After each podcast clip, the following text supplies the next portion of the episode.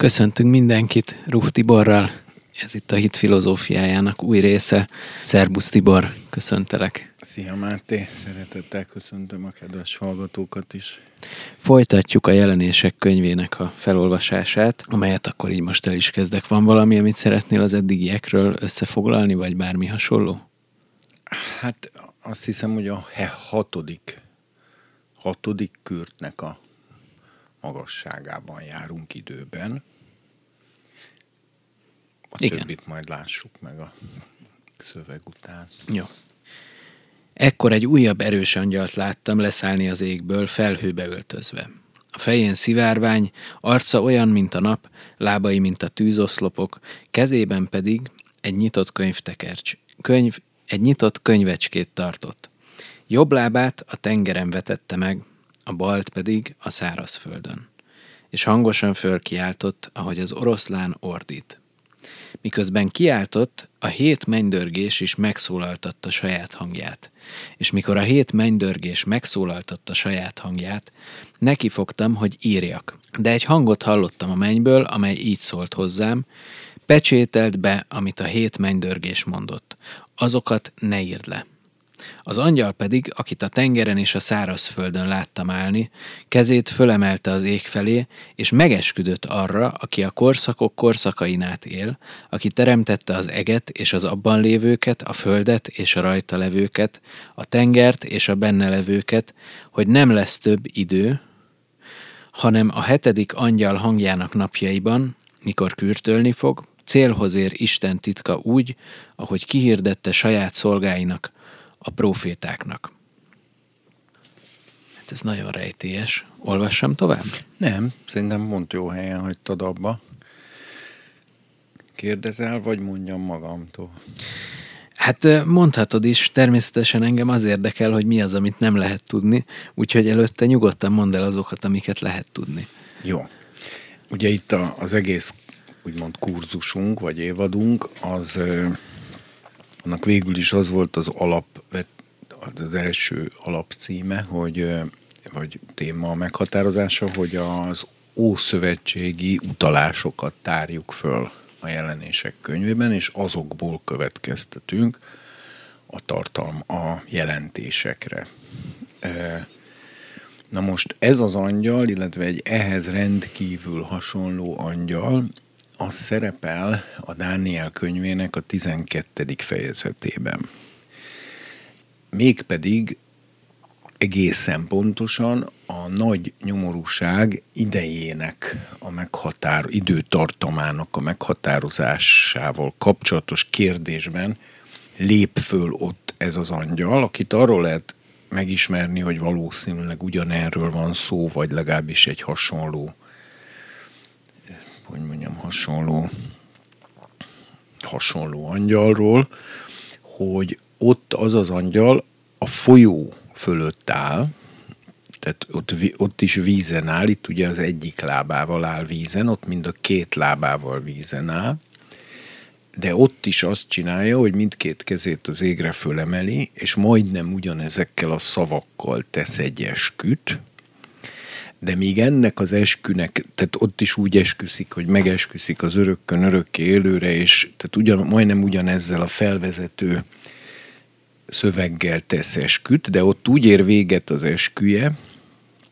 hogy a, ugye a pusztító utálatosság feltételétől, felállításától számítva 1260 nap lesz, itt viszont úgy esküszik, arra esküszik, hogy nem lesz több idő. Na most, tehát mind a két esetben valamilyen idő tényezőre esküszik, uh-huh.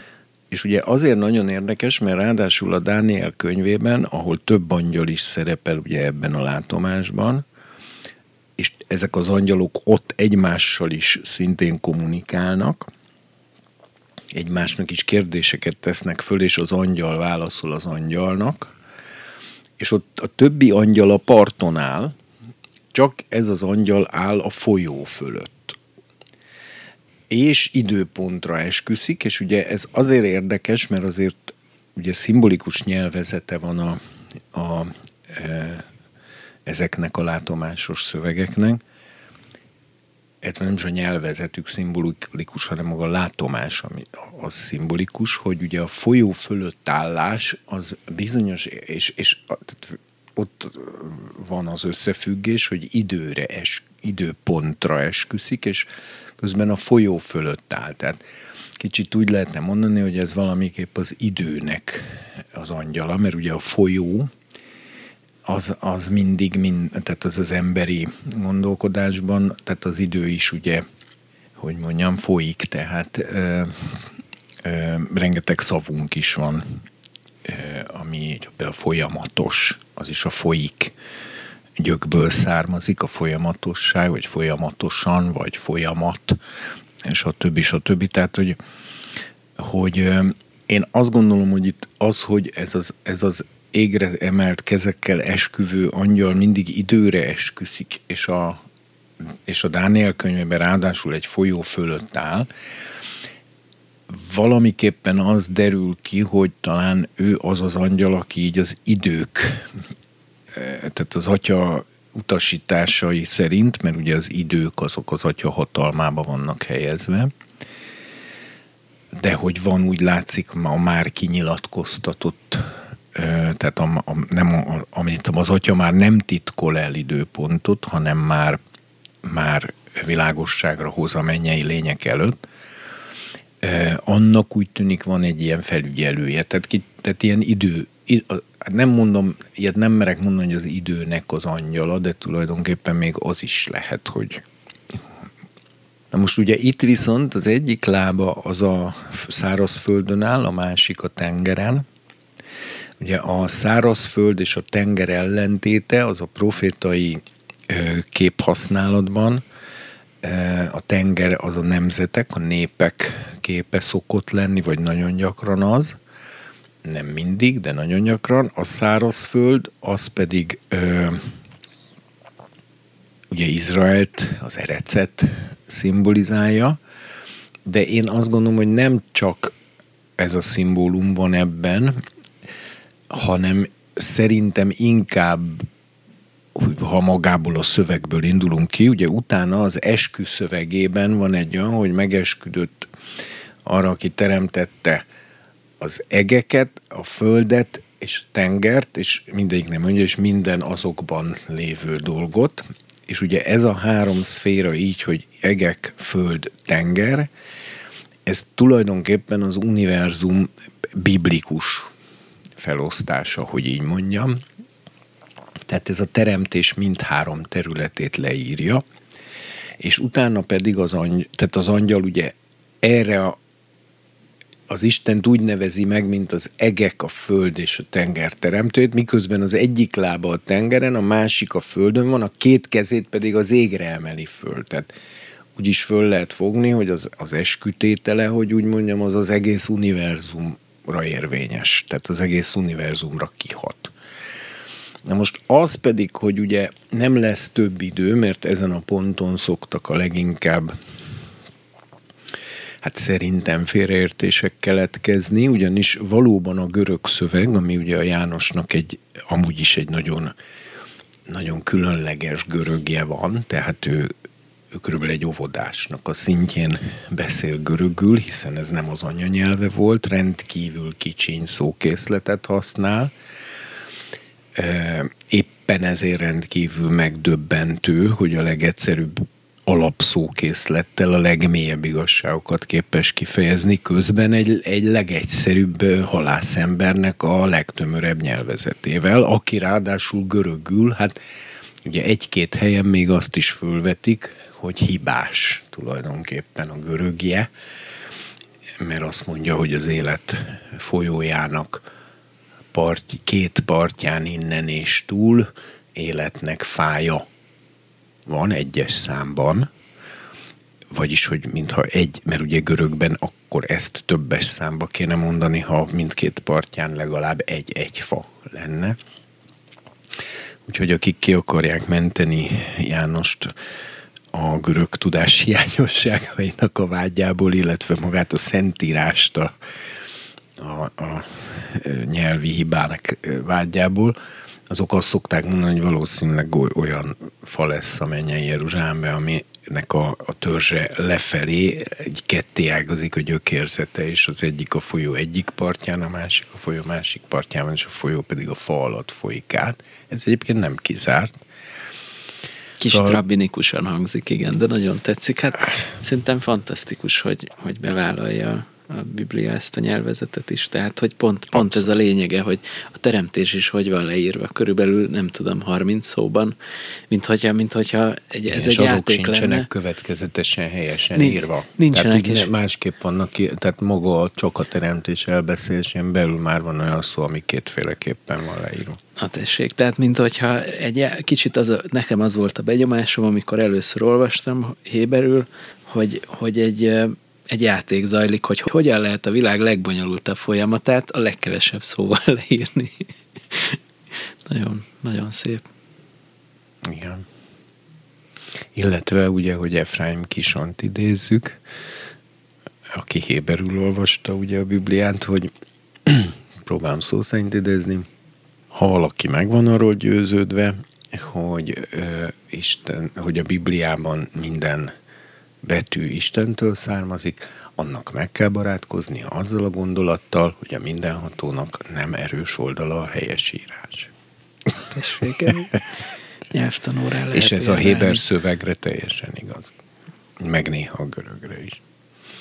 No, szóval visszatérve az angyalra, és annak az esküjére, itt ő azt mondja, görögben tényleg úgy hangzik a mondat, hogy nem lesz többé idő. És ez melyik időfogalom?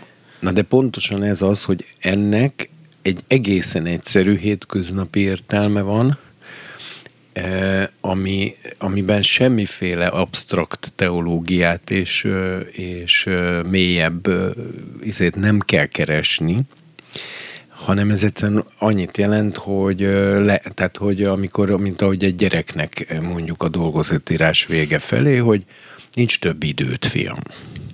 Tehát ugye itt, itt az a döntő kérdés, hogy a kegyelem kora az melyik pillanatban fejeződik be? Ez a kérdés.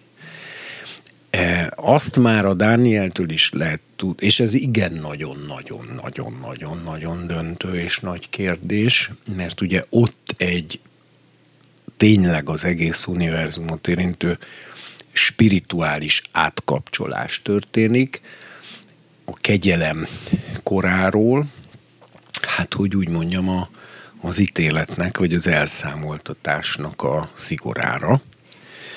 Tehát véget ér az, amit a Pálapostól úgy nevez, hogy a haladék, ugye így ez nagyon, ugye most itt érdemes lenne egyébként mélyebben belemenni a hát, az egész ószövetségi háttértörténetbe, csak annyira, hogy Hát ezt most lehet, hogy csak azok fogják érteni, akik már valamennyi ismerettel rendelkeznek ezen a területen, hogy ugye Dániel proféta tanít a 70 évhétről.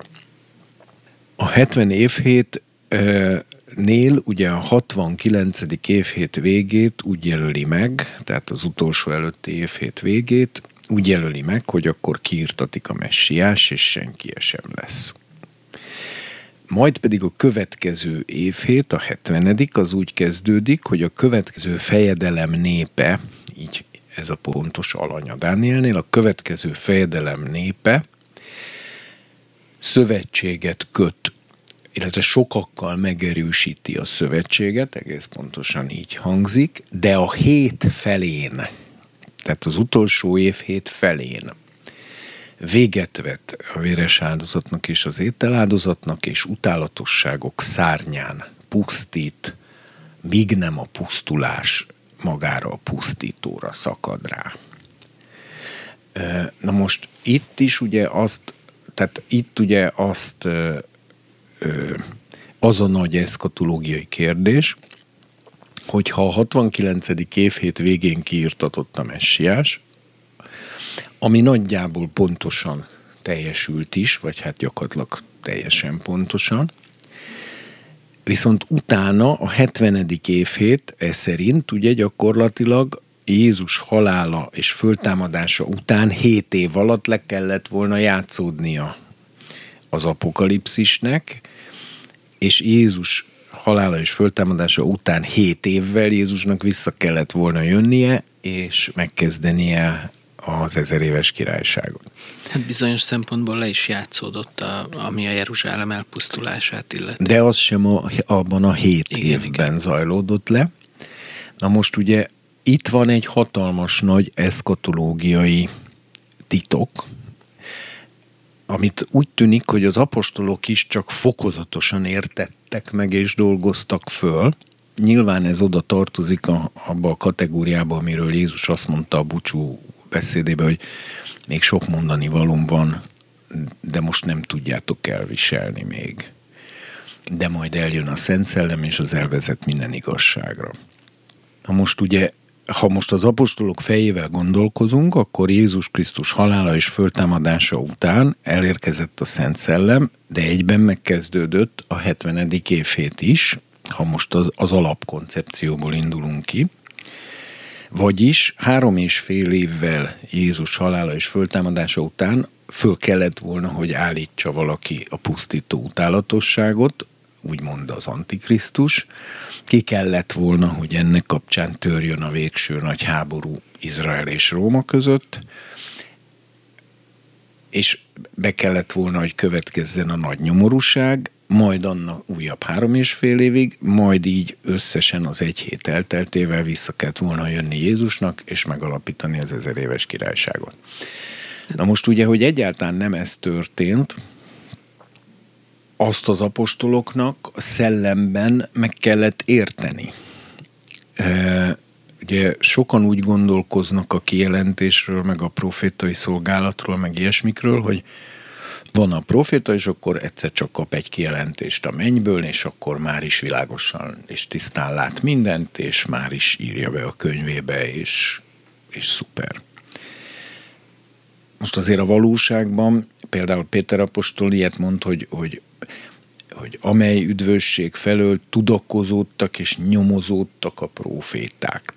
Tehát valójában a, a, a, ugye ez a szellemi magatartás, ez nem egy passzív magatartás, hanem ez inkább egy kutatás, egy nyomozás, ugye a görögöt úgy is lehetne fordítani, hogy kérdezősködés, tehát hogy az Istentől való kérdezősködés, kikutatás, és ezt egyébként láthatjuk például a Jeremiás könyvében, hogy ő, ő is, hogy mennyire kérdezősködik.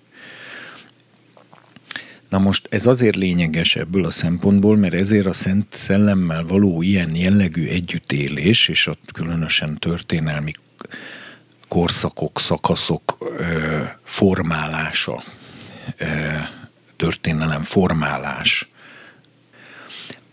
az, úgy, az egy kreatív tevékenység, nem egy passzív e, állapot. Vagyis itt az apostolok, amikor látták, hogy nem azok az események történnek Jézus halála után hét éven belül, amiknek a 70. évhétre be kellett volna teljesedniük, sőt utána sem érkezett el az apokalipszis, viszont iszonyatos nagy létszámban elkezdtek megtérni először zsidók, majd pedig nem zsidók is. És ugye tulajdonképpen a pál leveleiből tudjuk, hogy az apostolok, ezt ő le is írja így, hogy az Efézus 3-ban, hogy, hogy, hogy ez a titok, ez nem volt kijelentve korábban az embereknek tehát semmilyen szinten, hanem most lett kijelentve az ő apostolainak és profétáinak, hogy tudnélik a pogányok, a nemzetek örökös társak és részesei az ígéretnek Jézus Krisztus által, és ugye, vagyis, hogy a nemzetek meglettek hívva az üdvösségre, ami ugye szintén nagy meglepetés volt, tehát az abcselben, amikor a amikor a Cornélius háza népe megtér és szentleke betöltekezik, akkor ugye a, az apostolok először még meg is intik a Pétert, hogy hogy gondolja azt, hogy nem zsidóknak ment a házába, meg hasonlók, és amikor elmondja nekik, hogy mi történt, akkor mondják azt a többi apostolok, hogy, hogy ez szerint tehát Isten a pogányoknak is adott megtérést az életre, de ez nekik egy vadonatúj felismerés volt, tehát ők akkor tájt jönnek rá, hogy, a,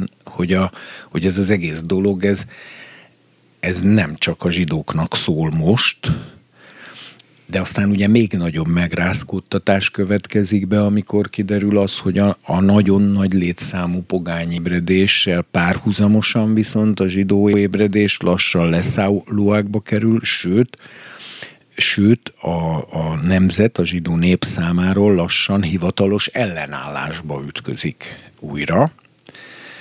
És ugye a Pál vonja le azt az ő számukra, mint zsidók számára rendkívül drámai következtetést, a, ugye a Róma 11-ben is, meg itt az Efézusi 3-ban is, hogy, hogy, hogy Isten most meghívja a nemzeteket az üdvösségre, és addig Izrael viszont megkeményítetik, és a partvonalon kívülre helyeztetik.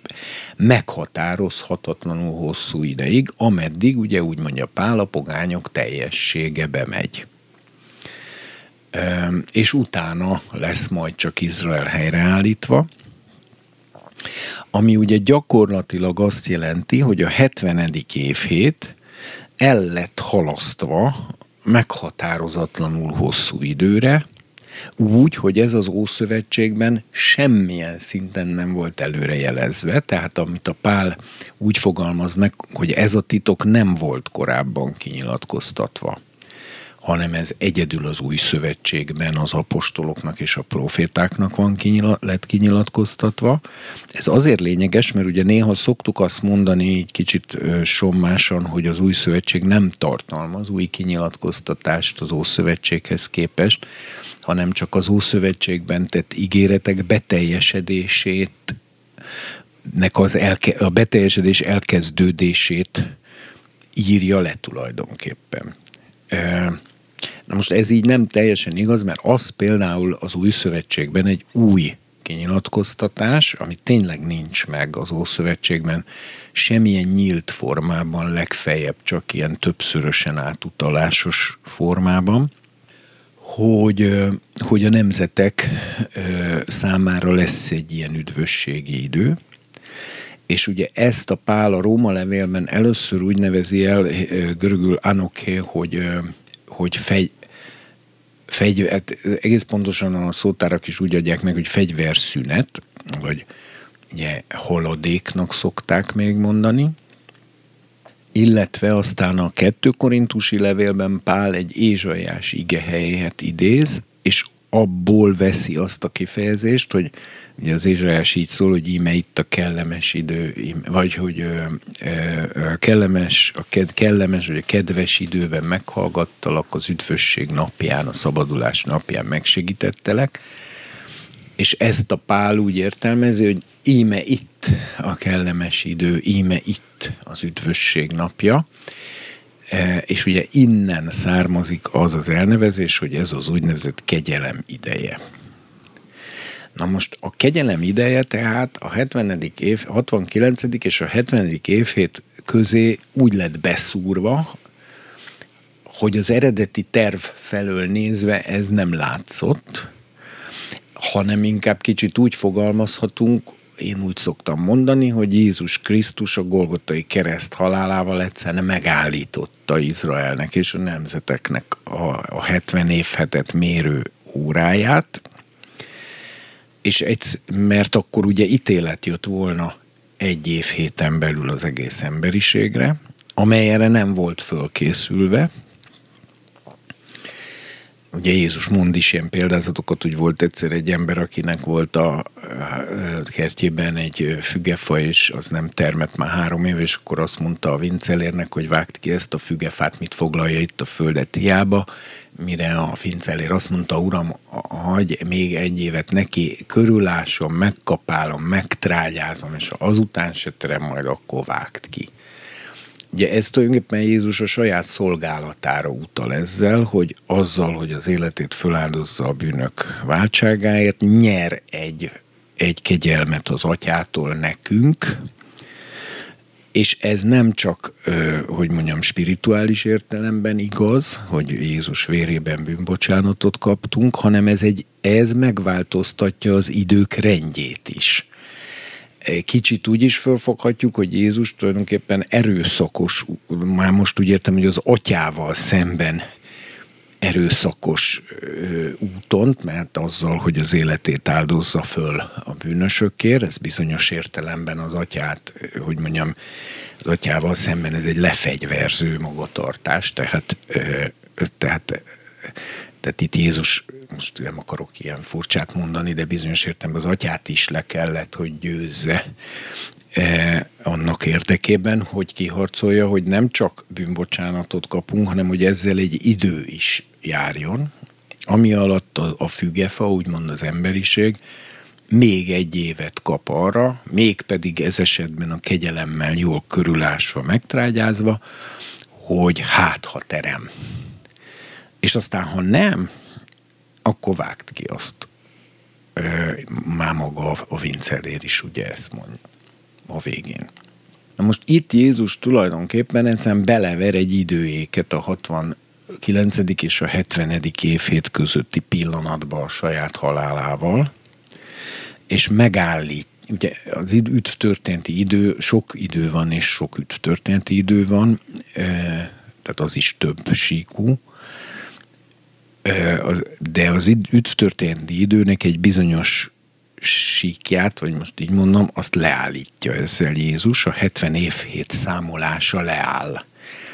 Ez szükségszerűen azzal jár együtt, hogy Izrael lefagy abban a pillanatban, mert az az ő üdvtörténeti ideje, és ő egy befőtként áll el tulajdonképpen ettől a pillanattól egészen addig, ameddig újra el nem kezdődik a számolás. Na most azt ugye nem tudjuk, hogy a kegyelem kora mikor ér véget, azt tudjuk, hogy 2000 éve tart már. Egész pontosan, ugye, ha, ha, illetve egész pontosan nem lehet megmondani, de legnagyobb valószínűség szerint 32-ben lesz, 2032-ben lesz, ugye 2000 éve, tehát 11 év múlva a megváltásnak, és, és eddig tart még láthatólag a kegyelemnek az ideje. De mivel ugye pont ez az a dolog, amire Jézus azt mondta az apost, mert ugye az apostolok már előtte föltették a kérdést, hogy Uram, nem ebben az időben állított helyre Izraelnek a királyságot? Mert hát ugye ők evidens módon ezt várták, hogy megtörtént a megváltás, föltámadt a messiás, megtörtént a 69. évét, tehát most 7 évünk van az alatt, letaroljuk a római birodalmat, a Krisztus vezetésével, átvesszük a világhatalmat, és kezdődhet az Isten országa. Így képzelték ők. Ugye erre a kérdésre Jézus azt mondja, hogy nem a ti dolgotok tudni az időket és időpontokat, amiket az Atya a saját hatalmába helyezett, vagyis itt már ad egy instrukciót arra nézve, hogy ez nem teljesen úgy fog zajlani, ahogy ezt ti most elképzelitek, majd pedig ugye pont ezen beszéd pontosan ezen szavak közben szintén a legnagyobb meglepetésükre fölröpül az égbe, mert ez, ez nekünk ugye már ilyen bevett bibliai megszokott történet, de ott ez, egy, ott ő ezt nem mondta előre, hanem azt mondja, hogy beszéd közben elkezdett fölemelkedni, ők meg égre bámulva nézték, és egyáltalán nem értették, hogy most tulajdonképpen mi történik, és miről van szó és egyáltalán nem lehetett tudni, hogy holnap visszajön-e, vagy két hét múlva jön vissza, vagy hét év múlva jön vissza, vagy húsz év múlva jön vissza. Lehet, hogyha az apostoloknak azt valaki megmondta volna, hogy 2000 év múlva, akkor,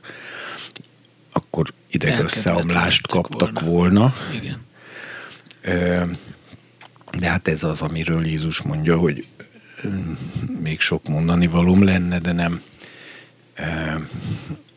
tudjátok elviselni, hanem majd a Szentlélek, hát úgy van az eredetiben, hogy bevezet majd benneteket a teljes valóságba. Ez nekem sokkal jobban tetszik, mint az, Igen. hogy elvezet minden igazságra, mert valóságról van ott szó, és nem és, és kifejezetten a, a, a bevezet, tehát bevezet titeket a teljes valóságba. És az a, az, az alételjá szó, ami ott van? Igen, igen. Azt. Ö, no, megyek tovább, hogy, hogy tehát itt nem tudom mennyire érthető, hogy, hogy ugye az apostoloknak egy ideig tartott, amíg felismerték azt, hogy nem, a, tehát minimum ugye pár év volt, vagy hát leg, legalábbis három és fél évvel Jézus kereszt halála után nem lett fölállítva a pusztító utálatosság, tehát elég feltűnően úgy alakult a dolog, hogy nem a 70. évhétben vagyunk, utána nem kezdődött el a nagy nyomorúság, hanem helyett egy iszonyatos nagy ébredés volt, tömegek tértek meg, töltekeztek be lélekkel, gyógyultak meg, és, és, és minden ilyesmi. És ugye az apostolok, akik kutattak és nyomozódtak és kérdezősködtek a szellemben, megkapták a maga idejében fokozatosan ugye először is azt a választ, hogy a nem zsidóknak is adott Isten megtérést az életre, ugye ez a Cornélius házánál lett világos, utána a Pál volt az, aki ezt teljes mértékben meg is értette, mert a többiek úgy tűnik, még Pétert is beleértve, hogy azért teljesen ezt nem tudták megérteni, e, hogy ez hogy is van akkor. Ugye Péter később is bele gabajodott az étkezés, együttétkezés, meg hasonló kérdésekbe. A pál az, aki teljes mélységében megérti a Szent Szellemben azt, hogy itt milyen üdvtörténeti és spirituális és a létezés lényegét érintő kozmikus átalakulás történik az új szövetség bevaló átlépés révén, és, és aztán ő ír arról, hogy ennek egy ideje is van tehát, tehát Isten egy időt is nyitott ennek a titoknak, és ezért meg, meglepőnek tűnik, hogy a 69. évét után elmaradt a 70. évét, mert ezt akár úgy is lehetne értelmezni, hogy Dániel proféta nem helyesen profétált, vagy akár úgy is lehet értelmezni, hogy nem Jézus a messiás, és akkor az nem is a 69. évét vége, és így tovább. Tehát sokféle módon e, lehetett volna ezt a kérdést megválaszolni, de ugye az apostolok sem Jézusba, mint messiásba vetett hitüket nem adták föl, sem a Dániel proféta szövegének a megbízhatóságába vetett hitüket sem adták föl, tehát ők hitből gondolkodó emberek voltak, és ez elvezette őket annak a titoknak a fölismerésére, hogy itt most nem egy hiba történik. Ugye ezt a Péter úgy írja le a második levelében, hogy testvérek, ti ne tartsátok késlekedésnek azt, amit mások késlekedésnek tartanak, hogy az Úr késlekedik a visszajövetelével, mert nem késlekedik, hanem türelemmel vár, hogy mindenki megtérésre jusson, és ne, ne vesszen el senki. Tehát, hogy, és utána így mondja, ezért a mi urunk hosszú tűrését kegyelemnek tartsátok.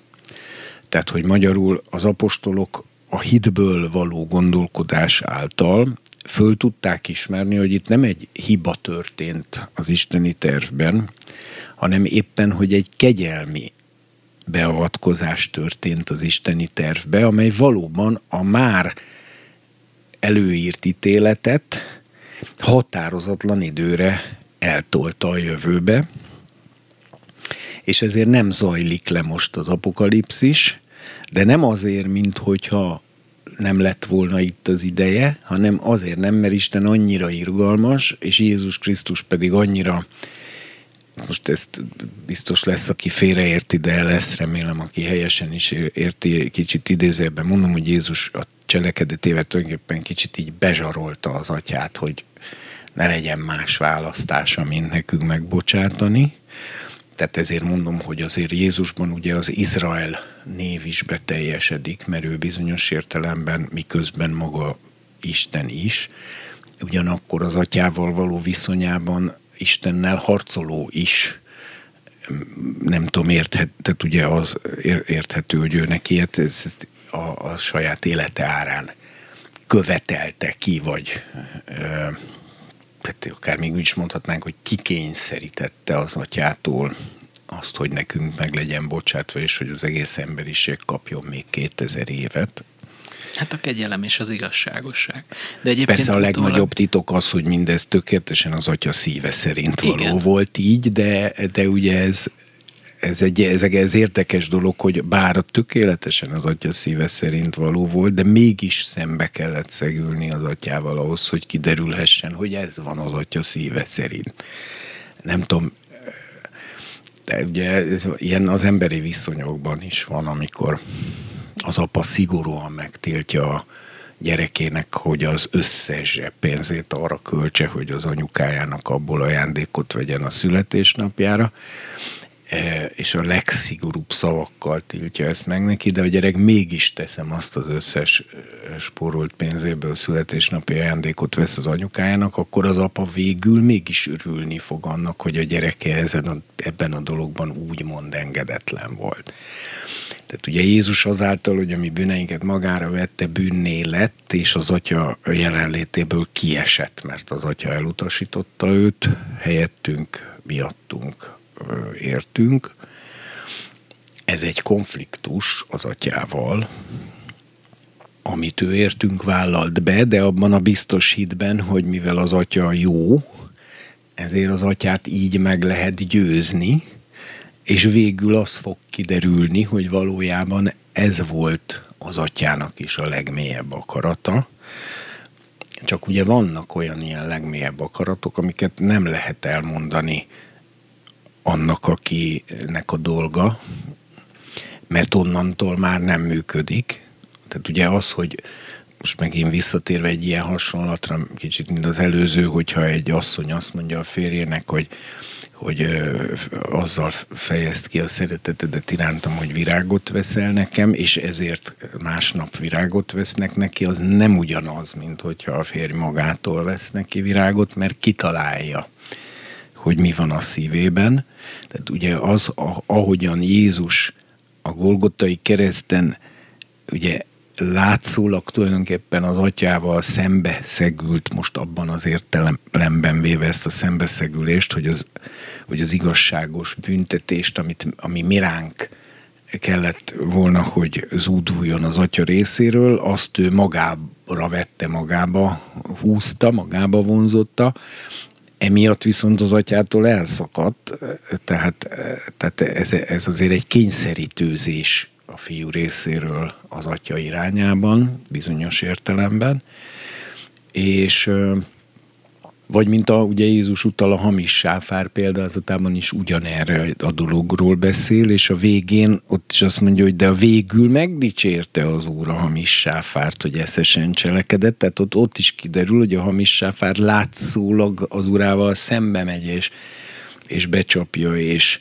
elengedi az adósságait a, a az, az ura adósainak, tehát látszólag ugye megkárosítja, meg minden, mégis a végén kiderül, hogy a főnöke, a, a tulajdonos, az ura, az ez, ez, en, ezzel igazán elégedett, mert ez volt az igazán nagy üzleti húzás, hogy úgy mondjam, a hamis sáfár részéről. De hát vannak bizonyos szerepek is. Tehát, hogy az atya, mint bíró, tehát egy bíró az igazságot kell, hogy képviselje. Igen, pontosan. Egy adott helyzetben még akkor is, hogyha emberileg pontosan átlátja, hogy azt az embert milyen jó lenne, ha fölmentenék, de mégsem tehet mást, mint hogy az igazságot képviseli, mert az nem az ő feladata. És, és van, amikor az ember nem mondhatja ki, amit szeretne, hanem az igazságosságot kell képviselnie. És akkor ott van a fiú, aki viszont jó ügyvédként, vagy hát paraklétoszként, vagy nem is tudom miként. Igen, és lehet olyan, hogy a bíró is a szíve mélyén azt kívánja, hogy bárcsak fölmenthetné a vádlottat, de mindaddig, amíg az ügyvéd nem találja meg ehhez a szükséges bizonyítékokat, addig a bíró ezt nem teheti meg, és nem is súghat az ügyvédnek, hogy te figyelj, mond, mond azt, hogy, és akkor fölmentem, mert az egy meggyőző ér, tehát jusson már eszedbe magadtól, mert a bíró nem mondhat ilyen tanácsot az ügyvédnek. Tehát ez egy kicsit egy ilyen szituáció. De mégis mindketten hisznek abban, hogy az igazság fog győzni, tehát merik képviselni azt az álláspontot, ő mer igazságosságot képviselni, noha a szíve mélyén lehet, hogy a kegyelem jobban jelen van, de mégis hisz abban, hogy az lesz, tehát hogy ha ő képviseli az igazságosságot, akkor, akkor is a jó fog kijönni az egészből. Ez is egy érdekes eleme a dolognak. Ez is érdeke? Igen, igen. Az Isten akarata az úgy tűnik, hogy szintén több, több szintes, több rétű. Tehát a, amit már múltkor is egyszer elemeztünk, hogy a Pálapostolnak minden városban azt mondják a testvérek a szellem által, hogy ne menjen föl Jeruzsálembe, ő mégis megy föl Jeruzsálembe, pedig a szellem által mondják neki, hogy ne menjen. Jön Agabus proféta, és még azt is elmondja, hogy hogy fogják ott letartóztatni, akkor azt olvasott, hogy mindannyian nagyon kértük, hogy ne menjen, és akkor azt mondja, hogy mit kesergetitek a szívemet, én még meghalni is kész vagyok, nem csak megkötöztetni Jeruzsálemben az Úr Jézus nevér, és erre utána úgy fejeződik be a történet, hogy megnyugodtunk tehát, hogy legyen meg az Úr akarata. No, de ezek szerint nem az volt az Úr akarata, amit a testvérek a szellem által mondtak Pálnak és ugye ez, ezek nagyon érdekes kérdéseket vetnek föl, hogy Istennél is van, kicsit van olyan, ami a hivatalos álláspontja, és van olyan, ami a szívének a kívánsága, és van olyan, amikor a szívének a kívánsága nem azonos a hivatalos álláspontjával, és az jár jól, aki ki, kitalálja, hogy mi a szívének a kívánsága. És Jézus kitalálta, hogy mi az atya szívének a kívánsága, amit az atya nem tehet meg az igazságosságra való kötelezettsége és az univerzum iránti felelőssége és felelősségérzete miatt nem teheti meg hogy csak úgy elengedi a bűnöket, meg a törvényszegéseket, e, de titokban arra vágyik, hogy bár csak elengedhetné, de nem engedheti el, mert akkor összeomlik az univerzumnak a rendje, és még sokkal nagyobb baj keletkezik belőle, és Isten, ha csak úgy ingyen elengedné a bűnöket, akkor egy cinikus lényé válna, mert ez a cinizmus, amikor ugye bagatelizáljuk a bűnt, az nem azonos a kegyelemmel, és az atya nem, és Isten nem válhat cinikussá sem, és ezért hiába vágyik a szíve mélyén, hogy elengedhesse a bűnöket, de nem teheti meg, mert az univerzum iránti felelőssége ezt nem teszi lehetővé.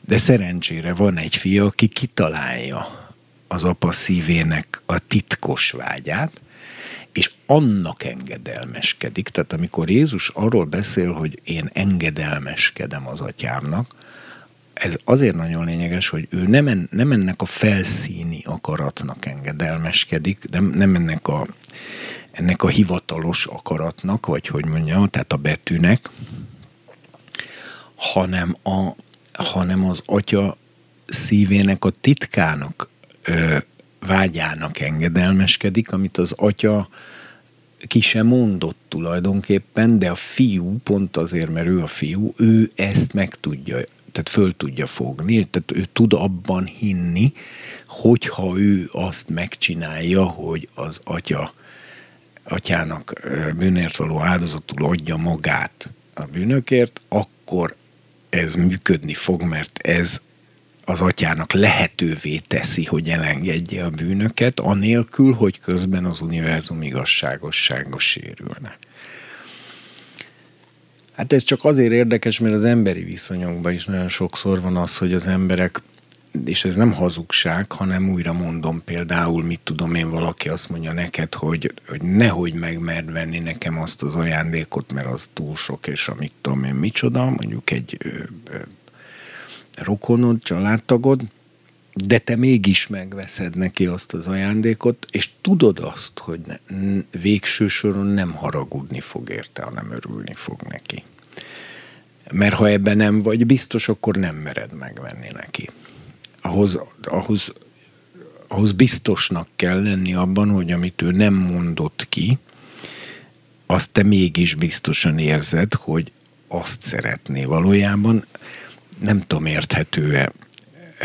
Igen, érthető, csak azon gondolkoztam el, hogy pont beszélgettünk a, a hegyi beszédről, és, és ott, ott pont arról van szó, hogy, hogy nagyon fontos, hogy őszinte legyen a szívnek a motivációja, és az a motiváció teljes harmóniában legyen a cselekedetekkel. De hogy mégis akkor, ha a cselekedet az az atya részéről, hogy az igazságosság álláspontját képviseli, és viszont tehát a szívének a motivációja az, hogy az igazságosságot képviselje, mert a cselekedete is ebben van, és az atya teljesen önazonos és, és, és tiszta szívű. Ugyanakkor ott van De mégis egy... vannak benne. De ez az, hogy mégis van a szívében egy másik dolog is ugyanakkor, ami pedig ez, amiről most beszélgetünk. Tehát hogy tud a szívben egyszerre több dolog is lenni. Most, most, most a, olvastam, csak bocsáss meg, ezt még a, a példabeszédek, azt hiszem 25-ben van az, hogy a, hogy a szívben vannak bizonyos e, mélységű vizek, mélységek vizei, amikből, a, amikben a, a tanács lakozik, és onnan felhúzhatjuk, mint a vizet a kútból, a bölcsességet. Tehát a szívben vannak ilyen bizonyos helyek és terek és vizek és mindenféle mélységek, tehát akkor ez hogyan, hogyan épül föl talán az atya szívében, ezek a dolgok hogyan működnek? Hát ugye van az az igen, hogy a szellem mindeneket kutat, még az Isten mélységeit is. Ebből tudjuk egy, hogy az Istennek vannak mélységei, kettő, hogy a szellem ezeket kutatja, tehát kutatni kell őket, tehát még a Szent Szellem számára sem evidens, hogy mi van ezekben a mélységekben. Pedig ő magának az atyának a szelleme. Na most ugye mi az Isten képására vagyunk teremtve, tehát e tekintetben kiindulhatunk az emberi személyiség működéséből. És az emberi személyiség is ugyanúgy működik, hogy bizony van olyan, amikor valakitől megkérdezed egy dilemma vagy egy nehéz döntés során, hogy na akkor most melyik legyen, merre induljunk, mit csináljunk, mit szeretnél, mit akarsz, és van olyan mondat, és ez egy igaz mondat, hogy, hogy magam sem tudom még pontosan, hogy mit akarok. Tehát magyarul az embernek is a saját szelleme kutat a saját szívében, ugye ahogy ez meg is van írva, hogy az úrtól való szövétnek az ember szelleme, amely megvizsgálja vagy kutatja a szívnek minden kamráját, rejtekét az ember saját szelleme is kutatja az ember saját szívét, mert az ember sem tudja, hogy mi van a saját szívében, csak miután a szellemével kikutatta, hogy mi van a saját szívében. Most ha az Istent és a maga Pál használja ezt a hasonlatot, hogy vagy az emberek közül kicsoda tudja az embernek az ő dolgait, hanem ha az ő szelleme, amely ő benne van. Ezenképpen az Isten dolgait sem ismeri senki, hanem csak az Isten szelleme. De viszont az is kiderül, hogy ez egy dinamikus megismerés, mert a szellemnek kutatnia kell ahhoz, hogy megtalálja, hogy mi van az atya szívében. És ahogyan a mi szellemünk kutat magunkban, hogy, hogy fölhozza a szívünk mélységéből azt, hogy mit is akarok én tulajdonképpen, Ugyanúgy a Szent Szellem kutat az atya szívében, hogy fölhozza a felszínre, hogy mit is akar az atya tulajdonképpen. És ezért a szívnek szintjei vannak, tehát az, az annak van felszíne és van mélysége, ahogy a József Attila mondja, hogy fecseg a felszín és hallgat a mély és nem ugyanazon a felszínén, a szív felszínén, mint ami a szív mélyén van, még akár ellentétes is lehet a kettő. A felszíni érzelmeknek a hullámzásában rengeteg olyan dolog van, ami kuka, tehát amit, ami nem is áll meg másnapig se tulajdonképpen már, e, és amikor az ember ugye tanácstalan bizonyos helyzetekben, akkor sokkal mélyebbre kell levilágítania E, a szellemébe, szívébe, hogy megtalálja, hogy mi az igaz magatartás és az igaz döntés egy ilyen szituációban, ami adott esetben például a szív felszínén lévő impulzusokkal akár ellentétes is lehet vizekbe is van olyan, hogy fölül megy egy, hid, egy hideg áramlat, alul a, vagy a fölül megy egy meleg áramlat az egyik irányba, alul pedig az ellenkező irányba megy egy hideg áramlat. Tehát vagy például másfajta állatok is élnek egyébként a felszíni vizekben, mint a mély vizekben, és, és stb. Tehát, tehát ez jó kép, amit használ a pál, hogy a szellem kutatja az Isten mélységeit, és ugye pont az van, hogy akikben pedig a szellem van, és külön, különösen, hogyha nagyon hogy mondjam, speciális módon van bennük, akkor ugye ezek az emberek a szellemmel tulajdonképpen együtt kutatják az Isten mélységeit, mert ők meg nyomozódnak és tudakozódnak, hogy, hogy az Isten mit jelentett ki, meg mit akar mondani, meg stb. stb. És akkor amit a Szent Szellem kikutat az Isten mélységeiből, azt mondja el tulajdonképpen a szellem embereinek, de ez a kutatás nem ért véget, mert például azt, hogy a kegyelem korának mikor van vége, az nincs felkutatva egyelőre, valószínűleg én legalábbis úgy látom, hogy még a Szent Szellem sem kutatta azt ki, mert arról még Jézus is azt mondja, hogy azt a napot és órát még a fiú sem tudja, meg az ég angyalai sem, hanem csak az atya egyedül, és amikor a Szent Szellem az, az atya szívének a valamelyik mély kamrájában egyszer csak rábukkan erre az időpontra, ami öröktől fogva ott volt ez az időpont, de a Szent Szellem az időben valamikor rábukkan erre az időpontra, mégpedig pont abban a pillanatban bukkan rá, amikor ez az időpont elérkezik. Na most a lényeg, ami itt, hogy visszakapcsoljunk, hogy ez az angyal, ez nem arra esküszik meg, hogy az idő, mint, mint dimenzió e, megszűnik, és hogy nem, nem lesz többet idő, mert ugye így szokták ezt értelmezni, majd egyszer lehet, hogy lesz olyan, hogy nem lesz ilyen fajta idő, hanem más fajta lesz, vagy semmilyen fajta, vagy mit tudom én, hogy hogy lesz.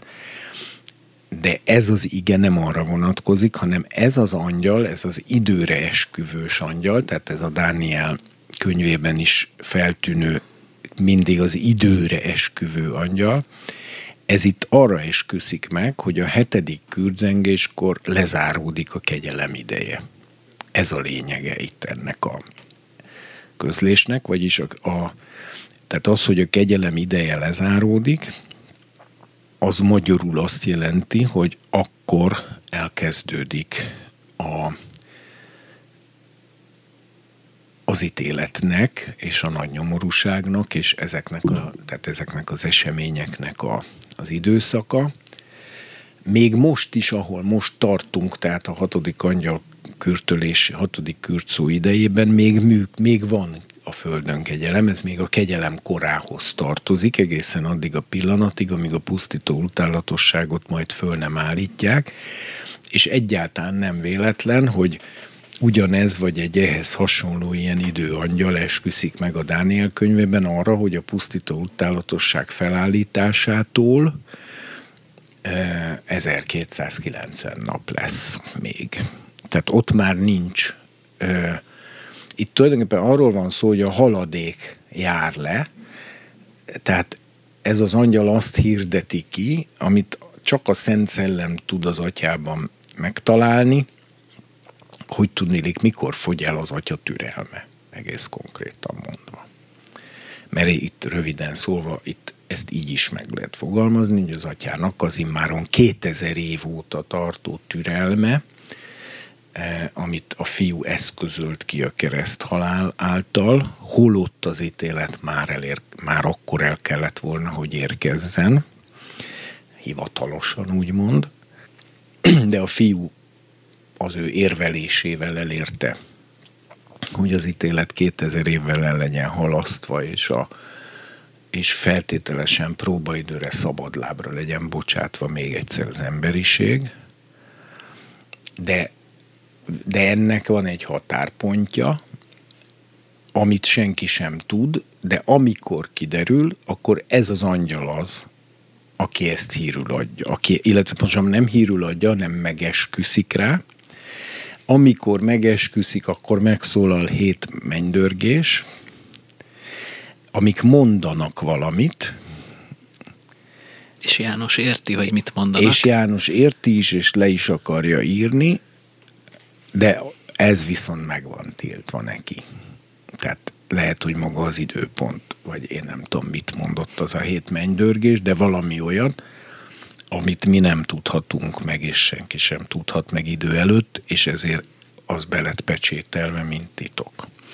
Na most én még egy dologra kitérnék itt ennél a résznél, hogy, hogy ugye úgy fejeződik be, hogy ez az angyal ugye megesküszik arra, hogy nincs több idő, hanem beteljesedik az a titok, amit az Úr az ő szolgáinak, a profétáknak mondott. Na most ez szintén, ez egy nagyon-nagyon tartalmas rövidke, de iszonyú gazdagság áll le mögött a mondat mögött, ugyanis a proféták már nagyon jó előre kinyilatkoztatták mind az apokalipszisnek, mind az Isten eljövendő királyságának legapróbb részleteit is, de ugye, de ugye az többször is volt olyan élménye a zsidó népnek, hogy amit a próféta kimondott, és ők mindenki azt hitte, hogy az majd most a mi napjainkban megvalósul, az nem, nem valósult meg, hanem távolabb időkre halasztódott. És ez az élmény tulajdonképpen végig gördül az egész szentíráson, hogy a proféták kimondanak dolgokat, és a, az akkori hallgató az ezt mindenki, de lehet, hogy még a proféta is ö, tulajdonképpen, hogy mondjam, abban a az elképzelésben volt, hogy ez még az ő nemzedékében, vagy legfeljebb a következőben beteljesedik, arra senki nem gondolt volna, hogy ez ilyen hosszú lesz. De azért hosszú, mert Isten a kegyelme miatt állandóan újra meg újra elhalasztja az ítéletet. Tehát ahogy a Péter is mondja, amit idéztem a 2 Péter végéről, hogy ezt ne késlekedésnek tartsátok, azt mondja, hanem ezt kegyelemnek tartsátok, mert ez az időhúzás nem ellenünk történik, hanem értünk történik, az egész emberiség javára történik. Egy csúnya dolog lenne, ha még emiatt is Istent elkezdenénk hibáztatni, hogy miért tart ilyen sokáig, hiszen ő meg ránk vár. Na most a, és ezért ez az, hogy az angyal azt jelenti be, hogy, hogy nincs több idő, hanem beteljesedik az a, a proféták, tehát az a titok, amit Isten a profétáknak mondott, az azt jelenti, hogy ugye tulajdonképpen az az apokaliptikus végjáték, ami ettől a pillanattól kezdve, hogy az angyal megesküszik, Aha. elkezdődik, az gyakorlatilag az Ószövetségtől, a Zsoltárok könyvétől fogva az összes eddig elhalasztott negatív ítélő proféciát sűrítettem beteljesíti ebben a most következő három és fél évben. Onnan kezdve, hogy már Zsoltárokban ott van, hogy pohár van az úr kezében, borral tele, nenvel pezseg, ha tölt belőle, e, issza, szopja a föld minden gonosztevője. Tehát, tehát egész a Zsoltárokig, vagy akár a tóráig visszamenő ítélő proféciák, amik állandóan halogatva lettek, és újra mindig csak halogatva lettek, mert azért eddig még nem történt meg az, hogy a nap szőrzsákká változik a holdvérré, a csillagok meg lehullanak az égről, most újra mondom, hogy én nem hiszem, hogy a napfogyatkozások és a vérholdak, tehát a holdfogyatkozások ezt kielégítik, ezt a, az apokaliptikus jelet, mert, mert az mert napfogyatkozás, meg holdfogyatkozás, ez egy hétköznapi esemény szinte. Úgyhogy tehát itt azért óriási jelentőségű, hogy a hatodik angyal bejelenti, hogy, vagyis a hatodik kürtszó idejében egy angyal bejelenti, hogy most pedig lejár az idő, amikor a hetedik angyal kürtje megszólal, akkor elkezdődik az összes eddig elhalasztott ítélő proféciának a tömörített beteljesedése az emberiség életében. Jó, hát akkor haladjunk tovább, mert most azt is megtudhatjuk, hogy mi van abban a bizonyos könyvecskében, amit tart ez az angyal. Hát azt nem tudhatjuk. Vagy hát legalábbis de most jó, de ezt igen. fogja egy kicsit jobban kibontani. Igen, igen. De, de ahhoz, hogy a most következők érthet, tehát azokat már mind abból a szempontból kell érteni, hogy ez az angyal ezt a nagy esküjét az égre emelt kezekkel a földön és a tengeren állva megtette. A hang pedig, amit hallottam az égből, ismét szólt hozzám. Ez most, ez most nem is a mennydörgés, nem is az angyal hangja, hanem ez egy újabb hang, ami eddig többször szólt már. Úgy tűnik, hogy igen. Aha, jó. Menj, vedd át a nyitott könyvecskét, amely a tengeren és száraz földön álló angyal kezében van. Oda mentem az angyalhoz, és így szóltam hozzá. Add nekem a könyvecskét. Fogd és edd meg, felelte nekem. Meg fogja keseríteni a gyomrodat, de a szádban édes lesz, mint a méz. Átvettem a könyvecskét az angyal kezéből, és megettem. A számban olyan édes volt, mint a méz, de mikor lenyeltem, keserű lett a gyomrom. Majd így szól hozzám. Megint profétálnod kell sok népről, nemzetről, nyelvről és királyról. Egy bothoz hasonló... Várjál, most picit álljunk meg. Jó. Megint pillanatra asszociáljunk vissza az Ószövetségi áthallásra, mert ugye ilyen könyvevés az már volt Ezékiel próféta életében, aki az elhívásakor egy könyvtekercset látott kívül belül teleírva e, jajszavakkal, siralmakkal, e, jajszókkal, minden ilyesmivel, és ő neki mondja azt az úr, hogy edd meg ezt a könyvet, és ott csak annyi van, hogy édes lesz a szádban, mint a méz, és menj el, és profétálj azoknak, akikhez küldelek téged.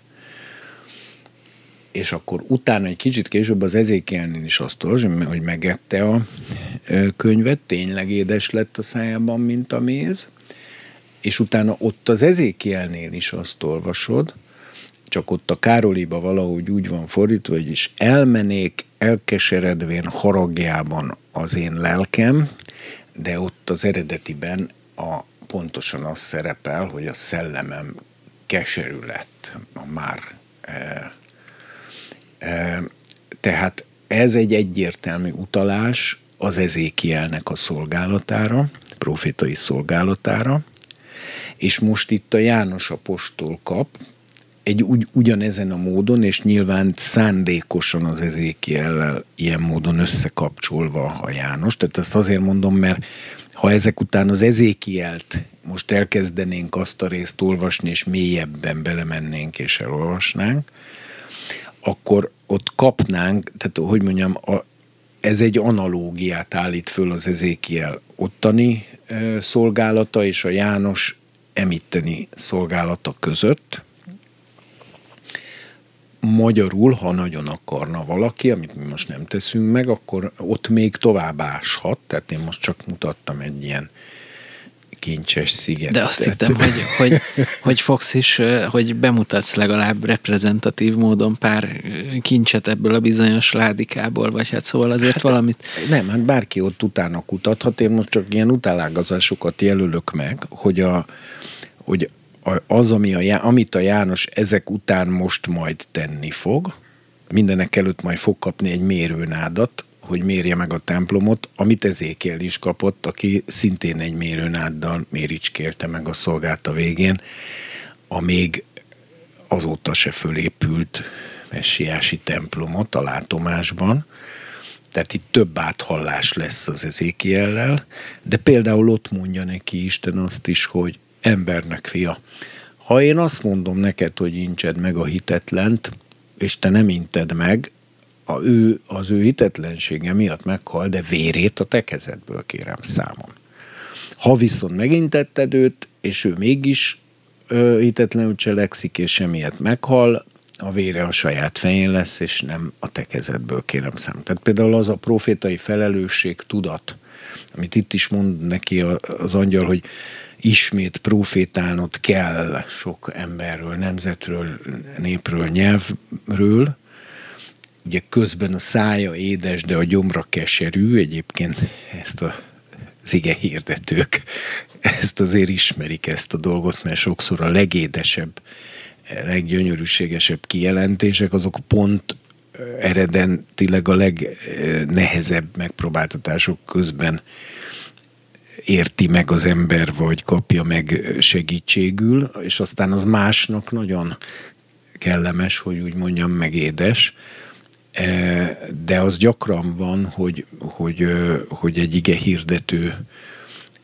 hát szinte azt lehet mondani, hogy ahogy a Pál is mondja, hogy az erő, erőtlenségem által vagyok erős, hogy tehát, hogy az ige hirdető elgyötörtsége és, a, és az ige hirdetésének a színvonala az gyakran egyenes arányosságban áll egymással. Tehát a szájának az édessége és a gyomrának a keserűsége az összefügg. Az, a, az attól édes a szája, hogy keserű a gyomra.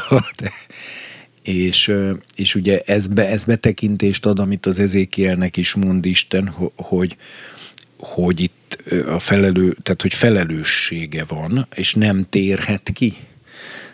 Az egyébként nem egy könnyű szolgálata elől, ugyant mondja Isten, ha jól emlékszem, azt, azt is az ezékielnek, hogy és, és ne félj tőlük, és ne rettenj meg, mert ha az ő homlokuk olyan kemény, mint a kovakő, akkor én a te homlokodat olyan keményé teszem, mint a gyémánt. Na de ugye ez megint azért arra utal, hogy most akár gyémánt az ember homloka, akár nem, mindenképpen kemény ütközésekre utal. Tehát, tehát itt, itt egy kicsit a profétai, ennek a profétai elhívásnak a, a hátterébe is ugye ez így betekintést ad, meg egyértelműen összeköti az ezékiellel, ahol újra mondom, hogy én most csak azt mondom, hogy ott érdemes ebből a szempontból ásni, mert ez mutatja, és más szempontból is mutatja, mert már ugye már a pecsételős angyalok is, amik homlokon pecsételték az Isten kiválasztottjait, már azok is az ezékiellel voltak áthallásosok. Ott volt ugye szintén pecsételés, ilyen láthatatlan pecsételése a kiválasztottaknak. No, úgyhogy most akkor folytassuk, hogy mire kap, mire kap ő most parancsot, mint proféta. Tehát majd így szól hozzám, mondja János. Megint profétálnod kell sok népről, nemzetről, nyelvről és királyról. Egy bothoz hasonló mérőnádat kaptam, az angyal pedig felállt, és így szólt. Kelj fel, és mérd meg Isten templomát. Azokat, akik imádkoznak benne, és az áldozati oltárt. De a templomon kívül lévő udvart hagyd ki, nem érd meg, mert azt a nem zsidók kapják meg, és a szent várost tapossák majd 42 hónapig. Itt megint álljunk szerintem meg, mert itt megint rendkívül fontos dologról van szó, és ez pedig az, hogy itt úgy tűnik, hogy áll egy templom amiben imádkoznak, és amiben van égő áldozati oltár tehát magyarul egy, egy nem, tehát egy, tehát a Jeruzsálem, tehát az állatáldozatokat bemutató templomról van szó. És az Isten temploma, tehát egy az igazi Isten, templom. Hogyne, igen, igen. Kóser templom. Abszolút. Viszont a probléma az, hogy itt ugye a jelenések könyvével kapcsolatos értelmezési vita az ezen a ponton rendkívüli módon ketté ágazik, mert vannak, akik azt mondják, hogy ezt az egész képet szellemileg kell érteni, tehát ez egy szellemi értelembe vett templom, tehát nem egy fizikai kőtemplom Jeruzsálemben, és ezért ezt az egyházra kell vonatkoztatni, mert hát ugye mennyei templomra nem lehet vonatkoztatni, mert azt nem, annak a külső udvarát nem tapossák meg a pogányok, de a de, de hogy ezt mindenképpen spirituálisan kell érteni, ez tulajdonképpen az egyházra vonatkozik akár, vagy, vagy ha nem az egyházra, akkor mit tudom én, másra, de hogy mindenképpen egy szellemi templomról van szó, nem pedig egy fizikailag valóságos jeruzsálemi templomról. Na most ugye, ha nagyon közelről megnézzük ezeket a sorokat, akkor azért mégiscsak az derül ki, hogy van egy külső udvar, amit a nem zsidók, a nemzetek x ideig, 42 hónapig, vagy hogy volt megadva az idő, megtaposnak. Hát ezt ugye megint lehet, ha nagyon akarom szellemi módon értelmezni, hogy az egyháznak a külső udvarát tapossák meg a, a, a, a, a szellemileg nem zsidók, tehát a, hogyha az egészet ugye szellemi módon allegorikusan értelmezem, akkor az egész azt fogja jelenteni, hogy egy szellemi épület, amelyet a szellemi nem zsidók eh, taposnak meg a külső udvarát, a belső udvarában viszont a, az igazak vannak. Én egyébként nem is vitatom, hogy ennek a proféciának van ilyen értelmezése, mert hiszen minden bibliai szöveghez lehet fűzni allegorikus magyarázatot úgy, hogy az lehet igaz. És ez önmagában egy igaz, tehát ha valaki ezt az igét mondjuk felolvasná és ezt prédikálná róla, akkor ez egy igaz prédikáció, mert ez az egyházra is vonatkoztatható, de ugyanakkor egy profétai szövegben, amikor ilyen direkt ö, közlés van, tehát nem jelzi azt, hogy, hogy ez egy látomás, vagy egy jel, vagy egy álom, vagy egy akármi, akkor az azért mégiscsak ugye alapvetően fizikai valóságra vonatkozik. Na most ez az egyik. Én érdemesnek tartom, mert ez sokakat foglalkoztat, ez a kérdés, hogy ebbe ugye kicsit mélyebben belemenjünk, de tényleg csak egy kicsit, hogy ugye végsős, már magával az ezékieli templommal, ami az ezékiel 40-től 48-ig van leírva, azzal kapcsolatban is óriási ugye teológiai vita van már évszázadok óta, vagy lehet, hogy még hosszabb ideje, hogy azt is most szellemileg kell érteni, azt az egész nagy épület leírást, ami ott 8 vagy 9 fejezeten keresztül zajlik, és akkor az egész az egyháznak tulajdonképpen a, a, az allegorikus leírása. Ugye és van, neked van ilyen magyarázatod erről? Ö, hát nem nekem, hanem ez egy, ez egy, ez egy sok száz éves teológiai irányzat. És ki van bontva, és minden meg van magyarázva benne? Abban nem vagyok biztos, mert ahhoz azért elég, elég odaszánnak kell lenni, hogy valaki mondjuk azt, hogy miért három és fél sink hosszú az őrkamarának az ablaka, vagy az ajtaja, annak mi a spirituális jelentése az egyház szolgálataira átvonatkoztatva, ahhoz azért föl kell kötni a teológusnak az alsó nemét, mert hát nyilván a teológusoknak is van olyan. Más csak arra mondom, hogy ugye a teológusok is emberek. Szóval az most nagyon-nagyon messzire vezetne, ha ezt a több évszázados vitát megpróbálnánk most mi itt eldönteni meg ilyenek. Én annyit tudok mondani, hogy mind én, mind pedig rajtam kívül még igen-igen sokan, mindenféle szinteken azon az állásponton vagyunk, hogy mind az ezékieli templom egy fizikai templomnak a leírása alapvetően. Természetesen lehet az egyházra értelmezni, és igaz értelmezéseket lehet ebből levonni, és ez teljesen korrekt de ugye egy profécia csak akkor tekinthető be teljesedettnek, amikor szó szerint fizikailag megvalósul. Na most mivel viszont rengeteg más igehely egyértelműen fizikailag, fizikai értelemben is beszél, rengeteg profétánál, rengeteg igehely, de még az új szövetségben is. Arról, például az új szövetségben Pál a kettőt tesznek a levélben, hogy az Antikrisztus maga ül be Isten gyanánt az Isten templomába, Isten gyanánt mutogatván magát. vagy amikor Jézus is a jövőre, jövőbe tekintve úgy fogalmaz, hogy amikor majd látjátok azt a pusztító talatosságot, amiről Dániel proféta beszélt, ott állni a szent helyen.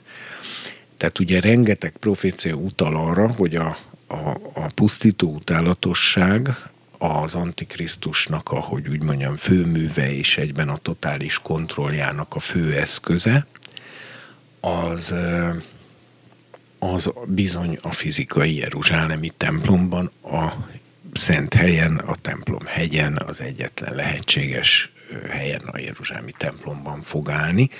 Tehát, hogy ezért nem lehet teljesen elspiritualizálni ezeket a proféciákat, hanem ahhoz, hogy a, az Antikrisztus pusztító utálatossága a Jeruzsálemi templomban állhasson, ahhoz mindenek előtt fel kell épülnie a Jeruzsálemi templomnak.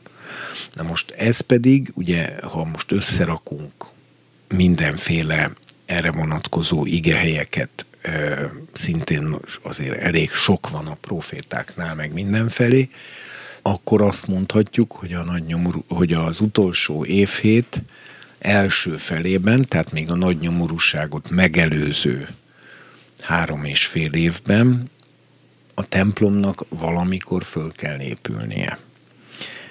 És mindaddig, ameddig ennek nincs kézzelfogható, tényleg függes fizikai ö, folyamata, vagy el nem készül ez az építkezés, legalább valamennyire, addig megint csak azt lehet mondani, hogy addig nem kezdődött el a, a 70. évét, vagyis addig nem kezdődött el az apokalipszis. nincs egy olyan fajta átmenet az egészben, hogy ahogy, ahogy Dávid is beszél adott esetben arról, hogy, hogy, hogy vannak szellemi tulkok és ehhez hasonló dolgok, ahogy ugye most is a, a zsidóság értelmezi, ők úgy értelmezik, hogy megtarthatják a törvényeket igenis így is szellemi módon, tehát hogy nincs egy olyan fajta átmenet, hogy mégis a, a Jeruzsálemben élő zsidóságnak van valamiféle szentélye szellemi értelemben, ahol igenis zajlanak imák, áldozatok és ehhez hasonlók, ami végül is van jelen pillanatban. Ez teljesen korrekt így, de azért azt ne felejtsük el, hogy maga a zsidóság sem tekinti ezt egy befejezett, teljes és kielégítő állapotnak. Tehát nem véletlen, hogy a zsidóság is azért imádkozik, hogy a templom újraépüljön föl, az áldozatok újrainduljanak be, és, és az egész dolog újra álljon helyre, mint ahogy pont az általat hivatkozott Dávid Zsoltár, például az 51 ahol kimondja azt a kulcsfontosságú mondatot, hogy nem kívánsz, kívánsz te véres áldozatot, hogy adnék azt, meg ételáldozatban sem gyönyörködsz, hanem az összetört szellem, az összetört szív az kedves ajándék előtted.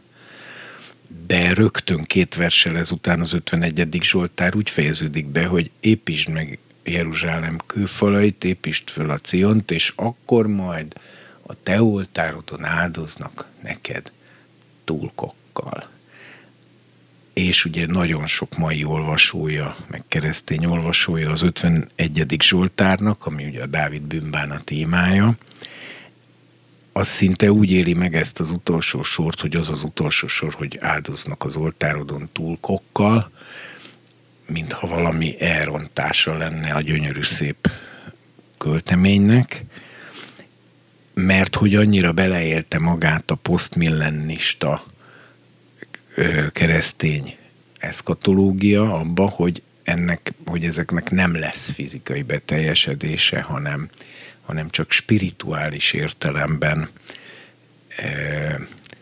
mint láthatatlan valóság jelenik meg az Isten birodalma, és stb. stb. Én nem tudok neked most erre a kérdésre teljesen kimerítő részletes választ adni, mert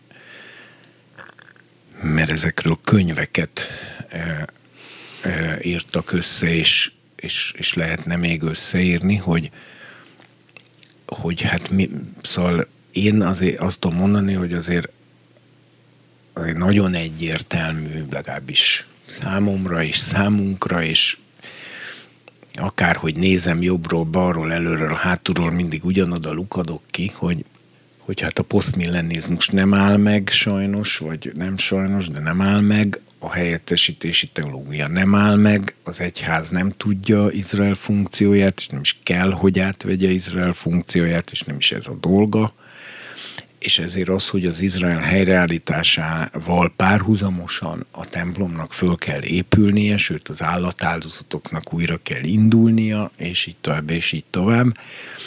Ez, én szerintem ez ö, nem nagyon értelmezhető másképp.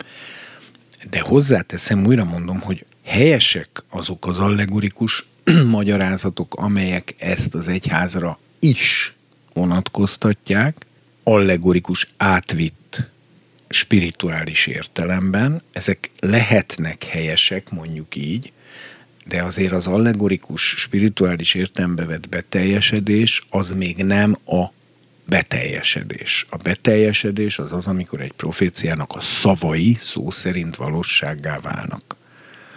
Tehát az, hogy a messiás szamáron megy be Jeruzsálembe, az nem egy ilyen jelkép volt, hogy ez azt jelenti, hogy a messiás az szegény és szamárháton ülő, és nem volt pénze lóra, hanem, hanem ez, ez konkrétan amikor elérkezett a pillanat, akkor Jézus szerzett egy szamarat és egy szamárcsikót, és felült azokra, én nem is tudom, hogy tudott egyszerre kettőre felülni, de mivel így van a Zakariás proféciában, hogy Imhon jő a te királyod nőstény szamáron és nőstény szamár vemhén, ezért halál pontosan Jézus egy nőstény szamárt és a csikaját ö, egyszerre vette valahogy igénybe, és úgy vonult be Jeruzsálembe. Tehát az, hogy a proféciák szó szerint fizikailag valóságosan teljesednek be, ez egy olyan elv, ami az egész szentíráson annyira masszívan végigvonul, és annyira nagy baj lenne, ha ezt föladnánk, mert abból az következne, hogy akkor az Istennek semmilyen ígéretét nem kell szó szerint megtartania, hanem akkor az úgy néz ki, hogy az Isten egyszer megígért 50 dollárt valakinek, és aztán amikor eljön a pillanat, hogy adja Én meg az 50 dollárt, akkor megmondja, hogy ő ezt szellemi 50 dollárra értette, és ez ugye akkor kellemetlen, ha az ember ráépítette az életét, és utána emiatt összeomlana az élete. Holott valójában jól teszi, ha ráépíti az életét, és Istentől számon lehet kérni a szó szerinti beteljesedést. Ő azzal, hogy úgy mondjam, tartozik, és ettől nem sértődik meg, hogy én ezt így mondom, mert ő maga vállalta föl ezt az elkötelezettséget, és mivel ő igaz, ezért meg is tartja a szavát. Úgyhogy aztán mondom, tehát a, a, amikor a Pál úgy fogalmaz például a kettőt, azt mondják a kettőben, hogy, hogy az Antikrisztus a törvénytelenség embere, a veszedelem fia, maga ül be az Isten templomába, Isten nyalánt mutogatván magát, közben ugye a Dániel is arról beszél, hogy a, hogy a templomot fogja megfertőztetni, meg még van egy csomó másik ige is erre, de mindet összerakod, akkor már nem spiritualizálhatod el a, temp- a, a Jeruzsálemi templomot, hanem szembe kell azzal nézni, hogy itt közben a, a Jeruzsálemi templom építése lehet, hogy éppen ez időtájt befejeződik, vagy legalábbis elér egy olyan szintet, hogy az Isten tiszteletek elindulnak, ugye az égő, külön említi az égő áldozati oltárt, vagyis, a, vagyis ezek szerint újraindulnak az állatáldozatok. Ugye a perzsa fogságból való hazatelepüléskor is úgy volt, hogy először a, vagyis hát a babiloni fogságból először csak az oltárt állították föl, és azonnal elindították az áldozatokat, akkor, amikor a templom még nem is állt. És már a mindennapi áldozat napi kétszeri bemutatása sától kísérve további 16 vagy nem tudom hány éven keresztül építették föl a többi részt és üzemelték be. Ugye ez azt jelenti, hogy van egy nagy bibliai példánk arra, hogy a diaszporából hazatérő Júda eh, ha az oltárt felállítja a templomhegyen, megkezdheti azonnal az áldozatok bemutatását, és elég, ha a templomépítést úgymond, ahogy az idő engedi, folytatják közben, ez nem változtat azon, hogy ezek az állatáldozatok már érvényesek. Ez, ez azért lényeges, mert ugye ez az a pont, ahol az az oltár állt, amin Ábrahám Izsákot majdnem föláldozta, E, valamint ez az a pont, ami fölött az a pusztító angyal állt kinyújtott karddal, ég és föld között a levegőben, amelyik a Dávid népszámlálása után dökhalállal sújtotta a népet. És ez az a pont, ahol jelen pillanatban van némi bökkenő, tehát hogy mecsetek, mecsetek állnak ott. Hát csak az Ábrahám és Izsák történetből mondom, szerint. meg a Dávid idejében a, annak a pusztító angyalnak a ugyanezen a helyen állásáról, hogy hogy ne lepődjünk meg azon, ha ma is azt látjuk, hogy ez a Föld eh, spirituálisan, szellemileg és politikailag is legfeszültebb, legélesebb, legrobbanás közeli pontja.